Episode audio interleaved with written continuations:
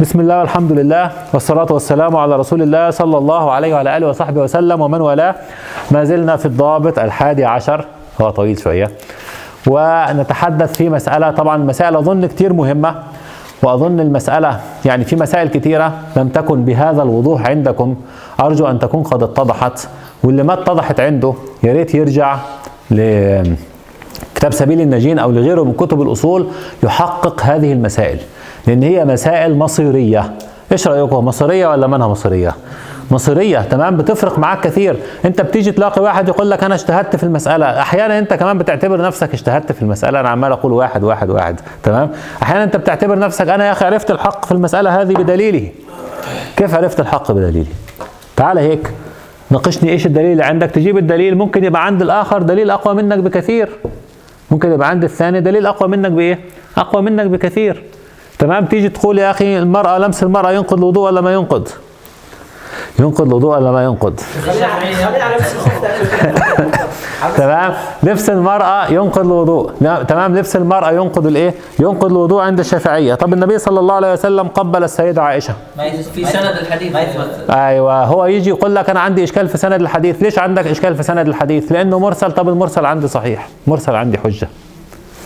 المرسل عندي حجة إيش إشكالك؟ تمام؟ لو سقط منه راوي أو اثنين أو ثلاثة ما عندي إشكال في هذا الإيه؟ ما عندي إشكال في هذا الأمر. تمام؟ يبقى أنت اذا هل المرسل حجة ولا ما حجة؟ بدك ترجع لأصل المسألة في الأصول. الحنابلة الحنابلة المسح على الجورب المسح على الجورب حديثه في ضعف أو ما صحيح. لكن ثبت عن صحابة النبي صلى الله عليه وسلم أنهم كانوا يمسحون على إيه؟ على الجوارب. فهل هذا هل هذا يكفي في إثبات الحكم؟ عندي أنا كحنبلي ما عندي إشكال. ليش؟ عندي أنا لأن أنا حنبلي ما عندي إشكال لأن فعل الصحابة عندي حجة. أما عندي الشافعي فيه إشكال لأن فعل الصحابة لا عنده ليست إيه؟ ليس حجة. طيب ليش خالف مالك؟ لأن عنده مشاكل تانية. تمام؟ مو شرط يكون هذه المشكلة ممكن عنده مشكلة تانية. هو بيرى قول الصحابي حجة لكن عنده مشاكل تانية في الإيه؟ في ممكن عنده مشكلة في سند النقل عن الصحابة نفسهم. هذا بده تحقيق للسند. ماشي منتبهين؟ فمو انت عشان لقيت في حديث أو لقيت ان الصحابة كانوا بيمسحوا خلاص صارت إيه؟ لا انت يا أخي انت شافعي ما تيجي تقول لي بالذات المسائل الكبيرة. المسائل الكبيرة هل قول الصحابي حجة ولا ما حجة؟ ما تيجي تقول لي أنا شافعي وبرى إن قول الصحابي حجة؟ ما ينفع. زي الثاني اللي يقول لي أنا حنفي وبرى إن الإيش؟ وبرى إن إن الحديث يخصص الإيه؟ يخصص القرآن. ما ينفع. ما تقول لي أنا حنفي وترى إن هذه المسألة من المسائل الكبار اللي بيتفرع عليها آلاف الآلاف من الإيه؟ من المسائل أو عشرات الآلاف من المسائل. طيب درجات المجتهدين. وهذه مهمة جدا جدا جدا. درجات المجتهدين. حتى عشان نعرف إحنا في انه درجة وعشان نقيم يجي واحد يقول لك فلان عالم عالم تمام؟ هيك تفخموا فلان عالم. يعني إيش عالم؟ تمام؟ عاوز أفهم أنا ما معنى عالم؟ فهموني هذه المسألة. هل هو معناها مجتهد مطلق؟ ولا إيش معناها بالضبط؟ جيد. طيب فلان أعلم أهل الأرض أو فلان عالم وبعدين شوية جاهل. هو عالم ولا جاهل؟ يعني فهمونا على أي متى قلت أنه عالم؟ لما تكون راضي عنه وبتحبه وبيقول كلام موافق لك بيبقى عالم. لما يكون كلام غير موافق لك يبقى إيش؟ يبقى جاهل. أنا أنا لا أرى مقياسا غير هذا. أنتوا لو أنتوا بتروا في الجهاد الشامي بالذات أو في غيره حتى في غيره من الساحات تمام؟ عندهم مقياس غير هذا خبروني به. شوية يقول لك فلان ده أعلم أهل الأرض وكذا وكذا وبعدين فلان أجهل أهل الأرض أو جاهل أو كذا أو كذا. يا أخي إيش ال إيش ال إيش المقياس؟ حنشوف. مسألة الإفتاء هذا مرتبة خطيرة جدا. وفي عهد لما يكون في دولة إسلامية قائمة هذا عمل كتير مهم عمل كتير خطير فرض كفاية يجب أن يتوفر في الأمة من يفتي لها. ولهذا اعتنى به أهل العلم وقسموه إلى مراتب. مثل هيك عارفين رتب الجيش في ملازم وملازم أول وفي رائد وفي كذا وكذا. برضه المفتين لهم إيه؟ لهم رتب. حنفية قسموهم إلى سبعة رتب. تمام؟ إلى سبع إيه؟ رتب. قسمون حنفية إلى سبع رتب. وال أو سبع درجات. والجمهور قسموهم إلى خمس درجات. أو خمس إيه؟ رتب. ماشي؟ مالكية وحنابلة وشافعيه قالوا خمس إيه؟ خمس رتب. الجمهور قالوا الحنفية قالوا سبع رتب. طبعا ما في فارق هي تقسيم نظري. تقسيم نظري. زي ما إحنا مثلا آه، نيجي نقول أنا هنقل الناس ما هعمل ملازم أول وملازم ثاني مثلا وهيك أو ما هعمل ملازم وراعد هشيل رتبه في النص أدمجها. فبيدمج هو حنفية راحوا قسموا إيه؟ أدمجوا أو فصلوا رتبتين. يعني رتبة قسموها اثنين ورتبة ثانية قسموها إيه؟ قسموها اثنين. وإحنا هون من باب الاختصار هنذكر تقسيم الجمهور فقط هنذكر تقسيم طبعا مذكور في الكتاب تقسيم الحنفية. لكن أنا هذكر تقسيم الجمهور فقط بما يناسب الدرس. قال ابن بدران الحنبلي جعل بعض المتأخرين أقسام المجتهدين على خمس مراتب وممن علمناه جنح إلى هذا التقسيم أبو عمرو بن الصلاح الشافعي وابن حمدان من أصحابنا الحنابلة. في كتابه أدب المفتي وتلاهم شيخ الإسلام أحمد بن تيمية فإنه نقل في مسودة الأصول كلام ابن, الصب... ابن الصلاح ولم يتعقبه. وعدم تعقب ولم يتعقبه. وعدم واستدلال طريقة ابن بدران طبعا ابن بدران من كبار الحنابلة. ولما يقول هذا على المسودة أولا بيثبت أن المسودة فعلا تنسب لشيخ الإسلام ابن تيمية. ثاني شيء أن لما ابن تيمية ينقل قولا في المسودة ولا يتعقب هذا القول فهذا دليل على إقراره لهذا القول. هذا ما شعرت به بنفسي عندما قرأت المسودة. ويعني لما الواحد بيستبشر خير لما بيلاقي أهل العلم الكبار أيضا يتحدثون عن هذا الأمر بنفس الطريقة. خمس مراتب. أول شيء المجتهد المستقل ده اسم إله. وفي ناس بتسميه المجتهد المطلق. جيد يا شباب؟ أنا بقول لكم الاسمين لأن أنتوا طلبة علم بحيث لما تيجي تقرأ في كتاب تبقى فاهم لازم تحدد هو إيش يقصد. فأحيانا ناس بتسميه مجتهد مطلق وأحيانا ناس بتسميه مجتهد إيه؟ مستقل. هذه هي المرتبة الأولى. نور الله ضريحك. تمام؟ هذه هي المرتبة الأولى. المرتبة الأولى هذه من فيها؟ من في هذه المرتبة؟ الأئمة الأربعة. أبو حنيفة ومالك والشافعي وأحمد والأوزاعي والبخاري. جيد؟ وابن حزم على خلاف. تمام؟ هذا لا يقلد أحدا لا في الأصول ولا في الفروع. هو طار له كيف تعرفه؟ له أصول مستقلة به. له أصول تحتمل الصحة. يمكن أنت حنفي هتقيم الشافعي إزاي؟ هتقول هو له أصول تحتمل الإيه؟ الصحة مستقلة به. أما لو هو موافق في الأصول هذا ما مذهب ما ما مستقل. جيد؟ طيب هذا نعم. كبار الصحابة ككبار الصحابة نعم. بس إحنا بنحكي بعد الصحابة. جيد تأدبا مع الصحابة وبعض الأمور الأخرى يعني. ومن المرداوي يقول المرداوي قلت أي المرداوي؟ قد ألحق طائفة من الأصحاب يقصد الحنابلة المتأخرين بأصحاب هذا القسم الشيخ تقي الدين ابن تيمية. وهذا خطأ. المرداوي يقول ابن تيمية هنا وهذا خطأ. لأن من ينظر في كلام ابن تيمية كما ذكرت لكم كثيرا يعني قد استوعبت قراءة كل مجموع الفتاوى لابن تيمية والمسودة وغيره من كتب شيخ الإسلام ابن تيمية لا تجده إلا متبعا للإمام أحمد في أصوله وفي أغلب فروعه. جيد. وإذا خالف يقول لا ينبغي أن يكون هذا قول أحمد وهذا ما تدل عليه أصول الإمام أحمد. فهو أكيد ليس في هذه الجزئية. كنا بدنا أبو سرية أبو سرية أبو سمية سرية كان يحضر. تمام؟ طيب. بس الذهبي في ترجمة ابن تيمية قال لك وله 20 سنة. يفتي بما صح عنده لا يتقيد بمذهب معين. ما رأينا هذا في فتوي لم نرى هذا في فتوي جيد أنا نريد 20 سنة يفتي يعني مثلا عنده مثلا مجلد واحد في جامع ال 20 سنة الفتاوي هذا وين هو؟ ما وجدنا هذا. بل هو ينص ينص نصا على أن هذا قول أحمد وهذا ينبغي أن يكون قول أحمد وهذا ما تدل عليه أصول أحمد. فواضح جدا. أما لو جيت تشوف كلام أحمد أو الشافعي أو أبو حنيفة أو أو مالك تمام؟ تجد هو ما بيقول ما بينسب الكلام لأحد لا يقول هذا ينبغي أن يكون مذهب فلان أو ينبغي ما بيحكي ما بيحكي بهذا الإيه؟ ما بيحكي في هذا الكلام. طيب يبقى هذه هي الرتبة الأولى.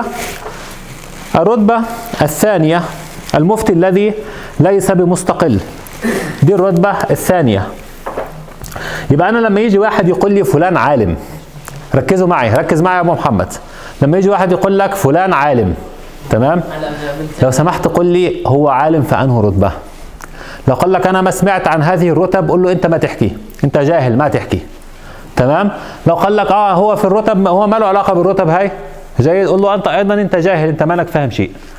قل لي هو في أنهي رتبة بالضبط؟ أو اسأله هو واحد يجي يقول لك أنا عالم. في ناس هيك بتقول ان هو عالم. تعالى قل لي أنت عالم فين بالضبط؟ في أنهي رتبة؟ فهمني أنت في أنهي رتبة. هذا السؤال كتير محرج وكتير بيفضح. وهذه من فوائد تعلم أصول الفقه. إنك تعرف العالم من من من عالم وإنك تعرف رتبته فين. ماشي يا شباب؟ هل يوجد عالم اليوم شيخ؟ هذه شوف النووي تعال نشوف النووي إيش بيقول. يقول النووي الرتبة الثانية اللي هي المجتهد الإيه؟ المجتهد المجتهد بصوا إما اسمه مطلق مقيد جيد. إما اسمه مطلق إما اسمه مطلق على اعتبار ده مستقل. فأحيانا تجد في الفقه يقول يقول ابن تيمية مثلا لم يدخل الشام آه، آه، مجتهد مطلق إلا إيش؟ بعد الأوزاعي إلا ابن قدامة. يقصد مطلق إيش؟ مطلق في المذهب. مطلق في الايه؟ في المذهب. فهذا على اعتبار ان هذا اسمه مستقل. أو يسمونه مطلق مقيد لو سمينا اللي فوق إيش؟ مطلق. فهمتوا يا شباب؟ يعني اللي فوق له اسمين إما مستقل وإما إيه؟ مطلق. اللي تحت له اسمان إما مطلق وإما مطلق مقيد. فلما واحد يقول لك فلان مجتهد مطلق الشوكاني في إرشاد الفحول. إرشاد الفحول هو طبعا جايب البحر المحيط وأنا قرأت في البحر المحيط وقرأت إرشاد الفحول فهو جايب البحر المحيط واخد منه قص لصق هيك وحاطط في الإيه؟ بس ما كان عنده كمبيوتر زمان. بياخد الكلام من البحر المحيط ويحطه كما هو في إرشاد الفحول مع بعض التغييرات لو في مسائل هو مختلف فيها. وهو طبعا ما شافعي لكن هو ظاهري. ليش ظاهري؟ لأنه خالف في القياس أو قريب من الظاهرية. خالف في القياس كثير من الشافعية وقال لا أخذ إلا بالعلة المنصوصة. وهذا ما, ج... ما لم يجعله ظاهريا. الظاهرية ما بياخذوا حتى بالعلة المنصوصة. هو بياخذ بالعلة المنصوصة لكن ما بياخذ إلا بها. فصار قريب جدا من المذهب الإيه؟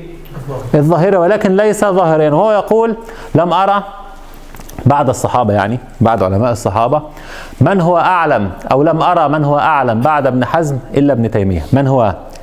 يعني بعد ابن حزم في العلم إلا إيش؟ يعني هو يرى ترتيب العلماء هكذا عنده. أول واحد مين؟ الصحابة. أول واحد أول واحد بعد الصحابة هكذا أول واحد ابن حزم. وبعد ابن حزم من؟ ابن تيمية. هذا في علماء الإسلام كلهم. وهذا مما يؤكد لكم أنه يميل جدا للظاهرية. الشاهد أن بعد أن أنكر كثيرا على التقليد وأنكر كثيرا على عبارة النووي. إيش يقول النووي؟ المفتي الذي ليس بمستقل ومن دهر طويل عدم المفتي المستقل. ده في عصر النووي. سنة 600 يقول من جهر طويل ما كان فيه مجتهدين مستقلين. تمام؟ إيه؟ راح برو- قال له المستقل مستقل. فالشوكاني عمال ينتقد ينتقد ال- العبارة هذه. وقال وحتى أبين لكم سأذكر لكم المجتهدين المستقلين. طيب اتفضل. بدأنا بقى نشوف. ماشي؟ قال العز بن عبد السلام تمام؟ آه ما عارف آه ثلاثة أربعة هيك اللي هم شافعية. شافعية. حتى شوية هون وشوية إيش؟ وشوية تحت تمام؟ طيب دول هم نفسهم بيقولوا نحن شافعية هم نفسهم يقولون نحن شافعية ولسنا مستقلين. وتصرفاتهم كلهم إنهم شافعية وليسوا إيه؟ مستقلين. فكيف تقول عليهم هذا؟ طبعا كان صديقي اللي هو الظاهري آه، كان متعلق كثير بكلام الشوكاني فرحت أنا قلت له مو هذا غلط فاضطر هو طبعا كان أخ نحسبه على خير وكان يحق يعني لما يقول الحق حتى لو عليه. فقال فعلا كلام إيش؟ كلام فيه تناقض يعني. واضح التناقض. في الآخر قال مين؟ قال تقريبا يعني ذكر أسماء ذكر السيوطي كمان. يعني ذكر ابن ابن العز بن عبد السلام وذكر السيوطي. تمام؟ ويقول هذول مستقلين. وين مستقلين؟ وين مستقلين؟ إيش رأيك يا شيخ أبو الوليد؟ وين مستقلين؟ هات لي مجتهدين المستقلين عشان نحكي. تمام؟ فيقول ومن دهر طويل عدم المجتهد المستقل. طيب يقول إيش إيش وظيفة هذا؟ وظيفة هذا هم مختلفين شوية في وظيفته. هو هم بعضهم يقول بعض هؤلاء يقول نحن وصلنا إلى الحق فوجدنا إن الحق هو ما قاله الشافعي فأخذناه يعني صرنا شافعية لأن إحنا وصلنا للحق فطلع هو ما قاله الإيه؟ ما قاله الشافعي. وهذا بعيد وأنتقد هذا الكلام كثير من أهل العلم حتى يقول آه، إن هذا يعني لا يخلو هؤلاء عن عن شبهه التقليد. هذا كلام الزركشي وغيره. بل هو عند التحقيق هم يقلدون الإمام في أصوله. يقلدون الإمام في أصوله ولكن عند الفروع يجتهدون. يعني أحمد قال الأمر للوجوب. هو بياخد ان الأمر للإيه؟ للوجوب. وبعدين يشوف الآيات والأحاديث اللي بتتحدث في هذه المسألة وبتتحدث عن مسألة من المسائل فيقول هذا واجب هذا هذا هذا هذا سنة هذا كذا هذا كذا. واضح الفكرة كيف كيف وظيفته؟ فبيقلد في الفروع بيقلد في الأصول دون الإيه؟ دون الفروع. وعلى هذا كبار أصحاب كل مذهب عند أبو حنيفة اللي هم زفر و ومحمد بن الحسن وأبو يوسف تمام؟ عند تعالوا هيك نشوف لكم الأقوال عشان ما ننسى أحد. آه، أبو يوسف ومحمد وظفر من الحنفيه وابن القاسم وأشهب من المالكية والبويتي والزعفراني والمزني من الشافعية والقاضي أبو يعلى من الحنابلة. تمام؟ هو من وصلوا لهذا الدرجة وابن تيمية من الحنابلة. تمام؟ هم دول اللي وصلوا لهذه الرتبة. طبعا مو على سبيل الحصر على سبيل المثال. دول يقلدوا الإمام في الإيش؟ في الأصول. ولكن يجتهدوا في الفروع. فلهذا يخالفون الإمام أحيانا. ولهذا يقول أحمد مثلا في الطلاق ثلاثا. يقول يقع واحدة وينبغي أن يكون هذا قول مذهب أحمد. جيد قياسا على إيه ابن تيمية. يقول يقع يقع واحدة يق لا أقصد يقول في اليمين بالطلاق. يمين بالطلاق يقع إيه؟ يقع عليه كفارة يمين وهو مثل مثل اليمين. ويقول ينبغي أن يكون هذا مذهب إيه؟ أحمد. هو يقول أصول أحمد تدل إيه؟ تدل عليه. كل شيء كل مسألة يقول هذه أصول أحمد كل مسألة يخالف فيها يقول هذه أصول أحمد تدل عليها. فهو بيقلده في الأصول. وضحت الفكرة يا شباب؟ طيب. الرتبة الثالثة. الرتبة الثالثة. ولهذا هدول يخالفوا الإمام في الفروع. هدول يخالفوا الإمام في الفروع. الرتبة الثالثة المجتهد المجتهد المقيد المجتهد المجتهد المقيد اللي هو مطلق مقيد مثلا أو مقيد فقط أو نسميه مجتهد تخريج. له اسمين طبعا له ثلاث أسامي أربعة لكن أنا بعطيكم الإيش؟ الشيء القريب. أو مجتهد التخريج. إيش وظيفته؟ باختصار. طبعا المجتهد هذا المجتهد هذا ابن أبي الدم الذي توفي سنة 642 يقول إيش؟ يقول وادعى ابن أبي الدم نقل هذا الكلام عنه الزركشي. وادعى ابن أبي الدم أن هذا النوع قد انطق قد انقطع في هذه الأعصار كالذي قبلها. يعني سنة 600 يا عقبة؟ سنة 600 تمام؟ قال لك هذا النوع خلص ما أنا موجود. خلص ما أنا موجود. هو ممكن تصل إليه أدواته موجودة لكن ما الناس ما وصلت له. في عهد ابن أبي الدم سنة 642 ماشي؟ الرتبة الثالثة مجتهد المجتهد المقيد أو مجتهد التخريج. إيش بيفعل مجتهد التخريج؟ لا بياخد لا بيعمل شيء أقوى من هذا. بيقلد في الأصول ويقلد في الأصول ويقلد في الفروع. لا يخالف الإمام في قول من أقواله.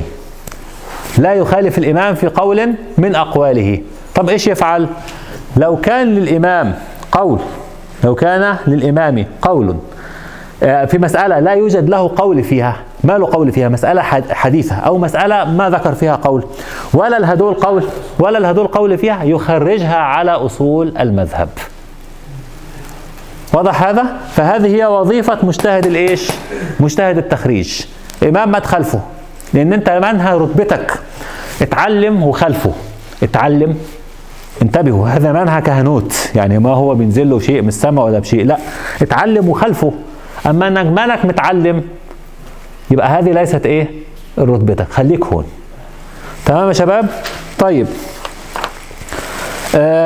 يقول ويقول ولا يعرى عن ثوب تقليد. ده كلام آه النووي. آه له لإخلاله ببعض أدوات الاستقلال بأن يخل بالحديث أو بالعربية وكثيرا ما أخل بهما المقيد. ثم يتخذ نصوص إمامه أصولا يستنبط منها كفعل المستقل بنصوص الشرع. يعني هذا اللي أدلة إمامه مثله كأدل أقوال إمامه كأدلة الإيه؟ كأدلة الشرع. هو بيفهم كلام الإمام ما بيفهمش كلام الشرع. ما عنده قدرة على فهمه الفهم اللي يستطيع يستنبط منه. فبتخذ نصوص الإمام أدلة يستنبط يعني يخرج عليها يفهم يفرع منها إلى آخره. وهذه صفة أصحابنا أصحاب الوجوه وعليها كان أئمة أصحابنا وأكثرهم. والعامل بفتوى هذا مقلد لإمامه لا له. وهي نقطة مهمة جدا. إجا هون لو قلنا مثلا في هذه الرتبة في ابن قدامة الحنبلي. اللي بياخد بقول ابن قدامة هو هو بياخد بقول من؟ أحمد مو بيقلد ابن قدامة. أنت هنا بتقلد من؟ أحمد. لكن اللي بيفهمك كلام أحمد واللي بيخرج لك على كلام أحمد ابن قدامة. فأنت تيجي تقول يا أخي ابن قدامة أعلم ولا الشافعي؟ لا الشافعي أعلم. لكن أنا مو بقلد الشافعي. مو بقلد ابن قدامة. أنا بقلد من؟ بقلد من. من يخرج على كلامه ابن قدامة. بقلد الإمام أحمد. فهمتوا هذه النقطة؟ وهي نقطة مهمة جدا. طبعا هذا الكلام انتبهوا يقرر يعني الكلام اللي قاله النووي هذا. هو أول واحد قال هذا الكلام أو قال هذا التقسيم أبو عمرو بن الصلاح. راح خدوا النووي وخدوا ابن حمدان الحنبلي، هم صاروا ياخدوا من بعض ويفرعوا، وهذا من بركة يعني أو من تواضع العلماء. مو مصر يعمل له مذهب جديد ولا يصر يعمل له كلام جديد، فالكلام اللي قاله النووي هو اللي قاله ابن حمدان هو اللي قاله أبو عمرو بن الصلاح. هم كلهم بيقولوا نفس الكلام، هو اللي نقله ابن تيمية في المسودة هو اللي نقله ابن القيم في إعلام الموقعين تمام؟ آه وجدير بالذكر أنه يشترط لمن هذه رتبة لمن هذه رتبته أن يوضح هذا الأمر. يعني أنت هون وجالس للفتوى تقول للناس أنا إيش؟ أنا حنبلي أو أنا شافعي أو الناس تبقى عارفة هذا الكلام. ما تيجي تفتي فالناس تفتكرك مفتي هون. لا لابد أن تبين أن هذا أنك تفعل هذا وهذا الذي يقوله ابن القيم. يقول لا يجوز للمقلد أن يفتي في دين الله بما هو مقلد فيه وليس على بصيرة فيه سوى أنه قول من قلده دينه. هذا إجماع من السلف كلهم من السلف كلهم. وصرح به الإمام أحمد والشافعي رضي الله عنهما وغيرهما. وقال أبو عمرو من قال لا يجوز له أن يفتي بذلك معناه ده اللي ناقل كلام أبو عمرو مين؟ ابن القيم. وقال أبو عمرو من قال لا يجوز له أن يفتي بذلك معناه لا يذكره في صورة ما يقوله من عند نفسه بل يضيفه إلى غيره ويحكيه عن إمامه الذي قلده. فعلى هذا ما عددناه من أصناف المقلدين المفتين ليسوا على الحقيقة من من المفتين. ولكنهم قاموا مقام المفتين وادعوا عنهم فعدوا منهم. وسبيلهم في ذلك أن يقولوا مثلا مذهب الشافعي كذا وكذا ومقتضى مذهبه كذا وكذا ومن ترك منهم إضافة ذلك إلى أمامه فإن كان ذلك اكتفاء منه بالمعلوم عن الصريح فلا بأس. يعني بشرط إن الناس تكون عارفة إن أنت إيش؟ شافعي. فبتحكي يبقى بتحكي عن إيش؟ عن الشافعي. أما تيجي عامل نفسك مفتي مستقل هذا إيش؟ هذا ضلال وإضلال لا يجوز اجماعا كما نقل ذلك ابن القيم. خلي بالكم كل هذا كلام من؟ كلام ابن القيم وناقل عن أبو عمرو ابن الصلاح. تمام؟ طيب مين في هذه الرتبة؟ تعالوا نشوف مين في هذه الرتبة. تعالوا. آه يقول ثواني. آه طب قبل ما نشوف مين في آه آه، من قبل ما نشوف مين في هذه الرتبة هل هذه الرتبة يتحقق بها فرض الكفاية في الفتوى وهي نقطة مهمة جدا في السياسة الشرعية. قلنا هذه فقدت منها موجودة وهذه في ناس كثيرة قالوا منها موجودة أيضا. جيد؟ حتى الش... حتى ابن عثيمين نفسه بيقول منها موجودة. جيد؟ يعني قليلة جدا. يقول هذه منها موجودة وهذه قليلة جدا. تمام؟ طيب هل هذا يكفي؟ اختلف أهل العلم على رأيين. في رأي قال أن هذا يكفي تمام؟ في إقامة فرض الكفاية وفي رأي قال هذا لا يكفي. طب هدول مقلد ولا مجتهد؟ مقلد. هذا مقلد. لا هذا مقلد. هذا مقلد. مجتهد في مذهب إمام لكنه مقلد. إيش رتبته بالنسبة للأدلة الشرعية إيش رتبته بالنسبة للآيات والأحاديث. هذا مقلد. هدول ممكن ده مختلفين فيه. نسميه مقلد أم نسميه مجتهد؟ لكن ما في رتبة ثالثة. هو إما مجتهد وإما إيش؟ مقلد. فهذا مختلفين. هل هو مقلد ولا هو مجتهد؟ ولا هو شوية مقلد وشوية بيكون إيش؟ بيكون مجتهد. تمام؟ هذا مقلد. منتهي. ماشي؟ طيب. آه بس لحظة اصبروا عليا لحد ما نخلص الجزئية هاي. آه آه يقول إيش؟ يقول يقول ثم ظهر كلام الأصحاب أن من هذه ده كلام النووي أن من هذه حاله يعني الرتبة الثالثة لا يتأدى به فرض الكفاية.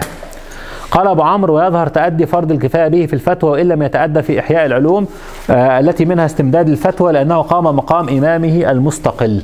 جيد يبقى هنا مختلفين هل هو يتأدى به فرض الكفاية أم لا؟ طيب آه ومن أصحاب هذه الرتبة الحسن بن زياد والكرخي والطحاوي من الحنفية. عارفين الطحاوي؟ دول علماء كبار جدا عند الحنفية. يا شيخ أبو الوليد خليك معنا. دول هون. تمام؟ والأبهاري وابن, وابن أبي زيد من المالكية وأبي إسحاق الشيرازي والمروزي من الشافعية والقاضي أبي, يعل أبي علي ابن أبي موسى من الحنابلة. وأنا بقول لكم أيضا الإمام ابن قدامة شوية هون وشوية هون كما سنفصل في المسألة التي بعد ذلك.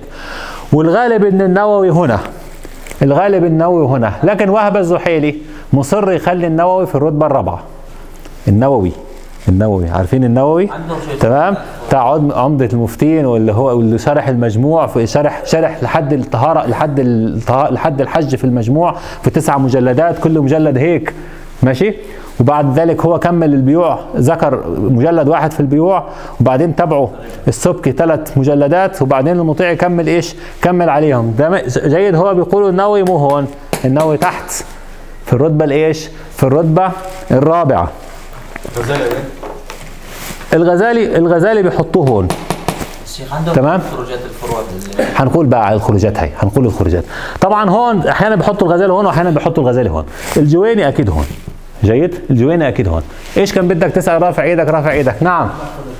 بس سؤال يا شيخ بالنسبة لهذا المجتهد تخريج مجتهد تخريج آه. فهو يتكلم في المسائل التي لم يتكلم فيها امامه نعم. يعني يبنيها على أصول الإمام. على أصول الإمام. فإن كانت هذه المسألة تكلم فيها إمام الأئمة الكبار يعني كالشافعي و- أو أبو حنيفة أو مالك.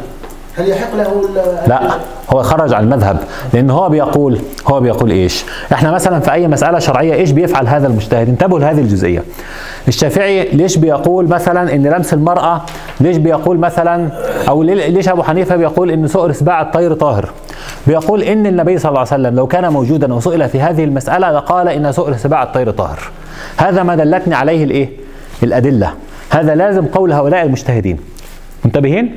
وأيضا هذول بس بيقول إيش؟ بيقول إذا كان أو بناء على اصول الشافعي هي هي الصحيحة.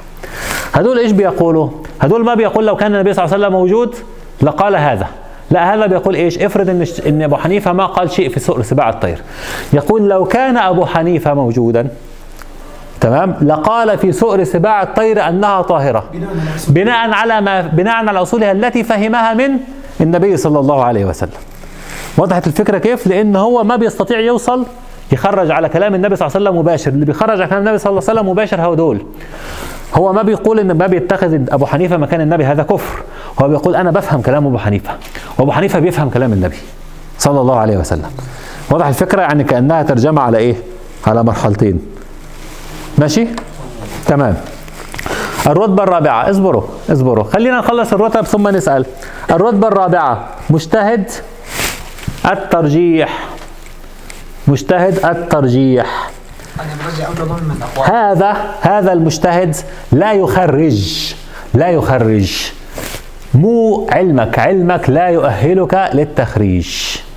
علمك لا يؤهلك للتخريج. هذا المجتهد إيش يفعل؟ يشوف أقوال العلماء اللي في المذهب أو أقوال الإمام في المذهب ويرجح بينها. بناء على آه في المذهب الواحد مو في المذاهب ما له علاقة بالمذاهب الثانية بناء على بناء على ما فهمه من أصول المذهب. فيقول هذا أشبه بأصول المذهب. هذا أقرب للإيه؟ للمذهب. تمام؟ هذا الأصح في الإيه؟ في المذهب. هذه وظيفة هذا المجتهد. لو عمل هيك لو عمل هيك لو عمل هيك إما أنت متعدي الرتبة هذه من رتبتك جيد؟ يحاسب. أو يحاسب حتى يحاسب شرعا تق- تقول على الدين بغير إيه؟ بغير علم. أو اتعلم ووصل هون ما حد منعك من التعلم. تعلم ووصل لهذه الرتبة. أما تكون أنت هون وتحكي هون لا. ماشي؟ طيب. آه يقول عنه النووي لا, لا يبلغ رتبة أصحاب الوجوه. طبعا وعنده خلل في اللغة العربية وعنده خلل في كذا وعنده خلل في كذا. جيد. ويقول إن وهذه صفة كثير من المتأخرين إلى أواخر المئة الرابعة من كبار أصحاب الشافعية.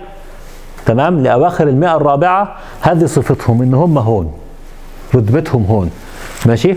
الذين رتبوا المذاهب وحرروه الذين رتبوا المذهب وحرروه وصنفوا فيه التصانيف آه و- وأما فتاويهم فكانوا يتبسطون فيها تبسط أولئك أو قريبا منهم ويقيسون غير المنقول عليه غير مقتصرين على القياس الجلي. ومنهم من جمعت فتاويه ولا تبلغ في التحاقها بالمبلغ بالمذهب مبلغ فتاوى أصحاب الوجوه اللي هم هدول وابن كمال باشا رسمه قسمه قسمين لكن ال- ال- المرغناني المرغناني هون.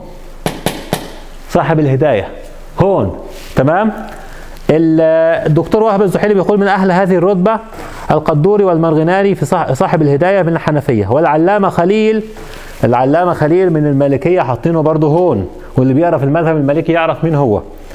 والرافعي والنووي من الشافعية هون تمام؟ النووي كما قلنا يعني هو في كثير من فتاويه بيفعل هذا وهذه مشكلة هنحل لكم إياها إن شاء الله تمام؟ والقاضي علاء الدين المردوي اللي ألف الإنصاف. الإنصاف هذا ست مجلدات في المذهب الحنبلي. ست مجلدات في المذهب الحنبلي. تمام؟ مكانه هون. مكانه هون. ماشي يا شباب؟ الرتبة الخامسة. الرتبة الخامسة. هذا مجتهد الفتية. مجتهد الفتية. إيش قصة مجتهد الفتية هذا؟ هذا فهم المذهب كله. وجمع المذهب وفهم أقوال المذهب. فلما بتيجي تسأله يقول لك المذهب يقول كذا. بس.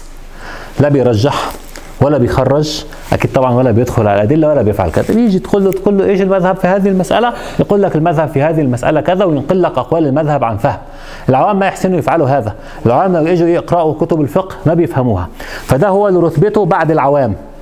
مذهب تمام؟ آه يعني بيشرح المذهب بيفهم الناس المذهب بيجلس جلسة يوضح للناس الأقوال اللي في المذهب بيبسط للناس الإيش؟ بيبسط للناس المذهب. هذا مجتهد الإيه؟ مجتهد الفتية. شرط أن يكون المعظم على ذهنه يعني معظم المذهب على ذهنه ويتمكن لدربته من الوقوف على الباقي على القرب. ويلحق لو في شيء مسألة يعني قياس كتير جلي يستطيع يقيسه. يعني مسألة واضحة كتير فيستطيع يقيسها يقول هذه مثل هذه بالضبط فخلاص يقيسها على المذهب لكن لا يخالف أبدا قول الإمام ولا يرجح داخل الإيش؟ ولا يرجح داخل المذهب. آه طبعا يقول يقول النووي هذه أصناف المفتين وهي خمسة وكل صنف منها يشترط فيه حفظ المذهب وفقه النفس فمن تصدى للفتية وليس بهذه الصفة فقد باء بأمر عظيم. ولقد قطع إمام الحرمين وغيره. آه، وقد قطع إمام الحرمين وغيره بأن الأصول أن الأصول الماهر ودي نقطة مهمة جدا الأصول الماهر المتصرف في الفقه لا يحل له الفتوى بمجرد ذلك ولا هون. اللي معاه دكتوراه في أصول الفقه. لا يحل له الفتوى ولا بهذه الطريقة طالما لم يصل لعلم هذه الإيه؟ هذه الرتبة. ولا اللي معاه دكتوراه في اللغة العربية ما يحل له إيه؟ هذا. ولا البحاث النظار كما يقول الجويني ولو وقعت له واقعة لزمه أن يسأل عنها ويلتحق به المتصرف النظار البحاث من أئمة الخلاف وفحول المناظرين لأنه ليس أهلا لإدراك حكم الواقعة استقلالا لقصور آلته, آلته ولا من مذهب إمامه لعدم حفظه على الوجه المعتبر. يعني أحيانا ممكن يجي واحد قامة علمية تقول فلان ده قامة علمية وحافظ أحاديث وعارف وعارف وعارف. وينه هون؟ تقول لي مو هون. طيب مو هون. هذا أعلم بالفقه منه. ليش؟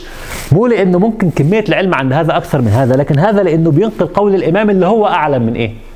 من هذا. واللي يجي في حديث اللي هو حديث ابن عباس رضي الله عنهما. أقول لكم قال الله عز وجل وقال الرسول وتقولون قال أبو بكر وعمر توشك أن تقع عليكم حجارة من السماء. بيصلوا كتير خالص بالإيه؟ بهذا الكلام. ويقول كل واحد تلاقيه يقول لك هيك. يجي يقول لك كلام تقول له يا أخي بس الشافعي قال كذا يقول لك قل قال الله عز وجل وقال الرسول وتقول قال الشافعي وأحمد توشك أن تقع عليك حجارة من السماء. إيش رأيكم في هذا الكلام؟ إيش رايكم في هذا الكلام؟ ابن عباس إيش؟ ابن عباس إيش؟ هون. ابن عباس مجتهد مستقل تمام؟ هو بيستدل بالآيات والأحاديث.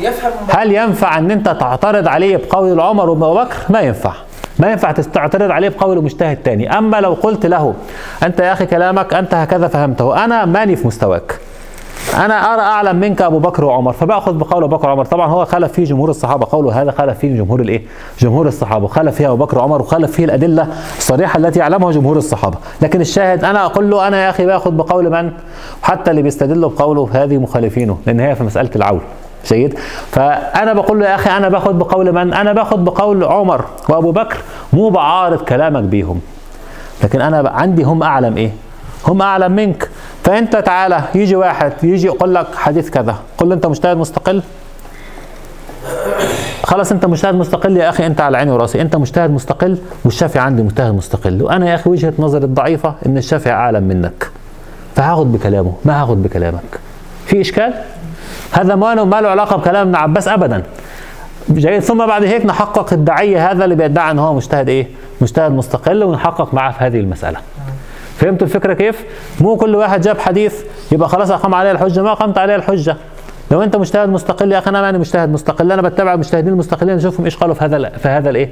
في هذا الحديث. تمام؟ لو فرضنا إن أنت مجتهد مستقل. بقيت مسألة نختم بيها كان أريد أعطيكم أكثر من هذا كان هنختم بيها وهنختم المسألة الماضية. بس بقيت مسألة نختم بيها ثم نسأل. بصوا يا شباب هذا دمج بين هذا وبين تجزؤ الاجتهاد. تجزؤ الاجتهاد. إيش اللي بيحصل؟ بتيجي تقول يا أخي طب ابن تيمية أحيانا في عنده 14 مسألة الذهبي يقول عفى الله عنه خالف فيها مثلا الأئمة الأربعة فشكله وصل هون. طبعا هم عند التحقيق مو 14 لأن هو خرج هي مذاهب خرجها فممكن تلاقي أربع خمس مسائل. تيجي مثلا شيخ تقول لي الشيخ فلان والشيخ فلان اللي كنتوا بتسالوا عنهم قبل الإيه؟ قبل الم... قبل ما نبدأ يجي يحكي مثلا هون أو يجي يحكي هون مثلا تمام؟ أو ابن قدامة أحيانا يطلع هون تمام؟ يخالف مثلا أو يطلع هون أحيانا جيد؟ فإيش الم... إيش الفكرة؟ الفكرة إن هو بيجتهد جزئي في هذه المسألة. مو لأنه اجتهد جزئي في مسألة أو مسألتين صارت رتبته عليت هون. هو اجتهد جزئي في هذه المسألة صرت أنت مجتهد جزئي في المسألة ممكن تكون مستقل ممكن تكون مطلق مقيد تمام؟ ممكن تكون خرجت في إيه؟ في هذه المسألة. يا أخي فلان ما مجتهد تخريج لكن هو خرج مسألة على المذهب تخريجه صحيح. يتجزأ يتجزأ يتجزأ مع إيه؟ حتى مع الرتب. فهمتوا الفكرة؟ يعني ممكن واحد هون مجتهد فتية خرج مسألة في المذهب. الاجتهاد يتجزأ ولا لا يتجزأ؟ يتجزأ هو خرجها بناء على إن هو بحث في أدلة المذهب مذهب بحثا إيه صحيحا بالطريقة اللي إحنا حكينا عنها في طريقة التخ... الاجتهاد الجزئي. جمع أدلة أقوال المذهب جميعا ونظر فيها وهو أهل نظر فيها نظر نظر من هذه رتبته وأخرج إيه؟ وأخرج فتوى على هذه الحال. يبقى ينفع ولا ما ينفع؟ ينفع. تمام وهذا الذي يحل لكم إشكال كثير إن تلاقي يا أخي العالم هذا ساعات بيحكي هون بيحكي هون وبيحكي هون ماشي هو أغلب فتاويه على أنه درجة. يبقى هذه رتبة هذا الإيه؟ هذه رتبة هذا العالم. هذا ما يقوله النووي يقول ثم قد يستقل المقيد في مسألة أو باب خاص وكذلك قال ابن بدران وحغي اختلافا بين الحنفية والشافعية في أبي يوسف ومحمد والمزني وابن سريج. هل كانوا مستقلين أم لا؟ قال ابن الصلاح ولا تستنكر دعوى ذلك فيهم في فنون الفقه بناء على جواز تجزؤ منصب الاجتهاد تمام؟ إيش يفيدنا هذا؟ إيش علاقة تجزؤ الاجتهاد ومراتب المفتين بالسياسة الشرعية؟ إيش علاقة هذا؟ ليش بنحكي في هذا الكلام؟ أول شيء أول شيء إحنا قلنا الإمام لابد أن يكون مجتهدا. طيب ما في مجتهد؟ يبقى نشوف الدرجة اللي بعده. مو نجيب واحد من بره خالص. تمام؟ نشوف الدرجة اللي بعده الدرجة اللي بعده. طيب ما لقينا؟ ما لقينا ممكن بسبب عدم وجوده أو بسبب إن هو لن تجتمع عليه الناس. الناس لن تجتمع عليه. يبقى نولي ماشي مقلد لكن يحيط نفسه بالمفتين. لازم يحيطهم بمن؟ بهدول. دول من هم موجودين؟ يبقى بين باللي تحتهم أو بالإيش أو باللي تحتهم. وضحت هذا؟ ثم عليه أيضا إن لم يوجد هدول أو لم يوجد هدول عليه كفرض عين. يعني يتعين فرض الكفاية إذا لم يوجد من يقوم به عليه. ي... يجعل طائفة من الناس تحاول أن تصل لهذه الإيه؟ لهذه الرتب على الأقل هون إحنا قلنا هذه اللي فيها خلاف هون لا يتأدى بها ابدا فرض الكفاية فلا بد أن يفرغ مجموعة من الناس فرض عين وهذه من السياسة الشرعية. ان السياسة الشرعية هي إدارة أمور شؤون البلاد الإيه؟ الداخلية والخارجية البلاد والعباد. فهذه من السياسة الشرعية ان هو يفرغ مجموعة من الناس تصل لهذه الرتبة ويجبرهم على هذا. لو ما عجبهم لابد إيه؟ يجبرهم. مو واحد ما عجبه المكان يقول لك أنا خلاص بطلت أطلب علم. لا. ماشي وإحنا اتفقنا معكم. طالما مشيتوا في هذا الطريق ففرض الكفاية صار فرض عين عليكم. ماشي؟ يجي أبو حمزة يا أخي لا خلاص أنا بدي أشتغل في الهون لا يا حبيبي. تمام؟ بدك تكمل في إيش؟ في طلب العلم. مفهوم؟ تمام؟ طيب. والمسألة الثانية وهي أن يمنع من يتعدى الرتبة من التعدي. يجي واحد عمال يفتي هون. هون ده هون ادعى على هذه الرتبة كتير كتير في واقعنا المعاصر. جاي يقول لك أنا مجتهد مستقل. تمام؟ وهو لا يتعدى رتبة الدابة بأي حال من الأحوال. أنا بحكي لكم عن جد تمام؟ ما يتعدى هذه الرتبة ابدا. فيجي يقول لك أنا مجتهد مستقل. يا أخي إيه كيف مجتهد مستقل؟ تعال نحكي معاك. أنت عارف مجتهد مستقل ده خلص. طب وريني هيك أصولك. وريني أصولك المستقل اللي أنت فيها. فرجنا عليها هيك. ما هيلاقي تمام؟ ما هيلاقي طب أنت هون؟ تعال وريني أنت هون ولا مالك هون؟ هون ما لا يقول لك يا أخي أنا حصير تحت المذهب وحصرح اقيد حالي وما قيد حالي. كيف ما, تقيد حالك؟ هو العلم هكذا. لو انت ولو أنت هون ماشي خلاص ما تقيد لي حالك بحد. أما لو أنت منك هو لازم تقيد حالك بحد عشان تاخد منه. أما كيف تاخد؟ كيف ترتب أمورك؟ وضحت يا شباب كيف يتعامل المقلد مع اختلاف المجتهدين؟ هناخذها المرة القادمة. إن شاء الله ننهيها اللي هي السؤال اللي بيكون عندكم كثيرا. خليه يمكن حد يسأل سؤال كان بيسأل سؤال هناك. تفضل. الرتبة الأخيرة. نعم. مثل من؟ مثل اللي بيتخرجوا من الأزهر لو كانوا ما بيغشوا. جيد؟ بيتخرجوا من الأزهر ولو كانوا ما بيغشوا بعد العشر سنوات دراسة أو الخمسة عشر سنة دراسة. جيد. هذا هو خارج فاهم المذهب. بيجلس يشرح لك المذهب وهو فاهمه. لأن مو كل حد يحسن يقرأ كلام الإمام. ليس من المعاصرين من قبل؟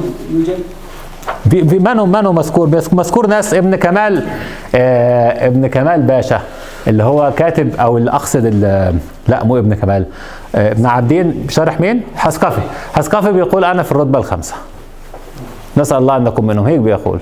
عامل المتن اللي هو بتاع حاشية ابن عابدين والمتن اللي شرحه ابن عابدين في حاشيته وهو كبير من كبار علماء المذهب. يقول أنا وكان هو شيخ الإسلام. كان هو شيخ الإسلام اللي هي رتبة المفتي. كان شيخ الإسلام مو كان شيخ الإسلام في الدولة العثمانية كان شيخ الإسلام كان مفتي في الدولة العثمانية. وقال أنا أرجو أن أكون في هذه الرتبة. هم اجوا قسموا هذه الدرجتين وهذه الدرجتين فصارت هذه الرتبة السبعة. فبيقول عن نفسي أنا أرجو أن أكون في هذه الإيه؟ في هذه الرتبة. تمام؟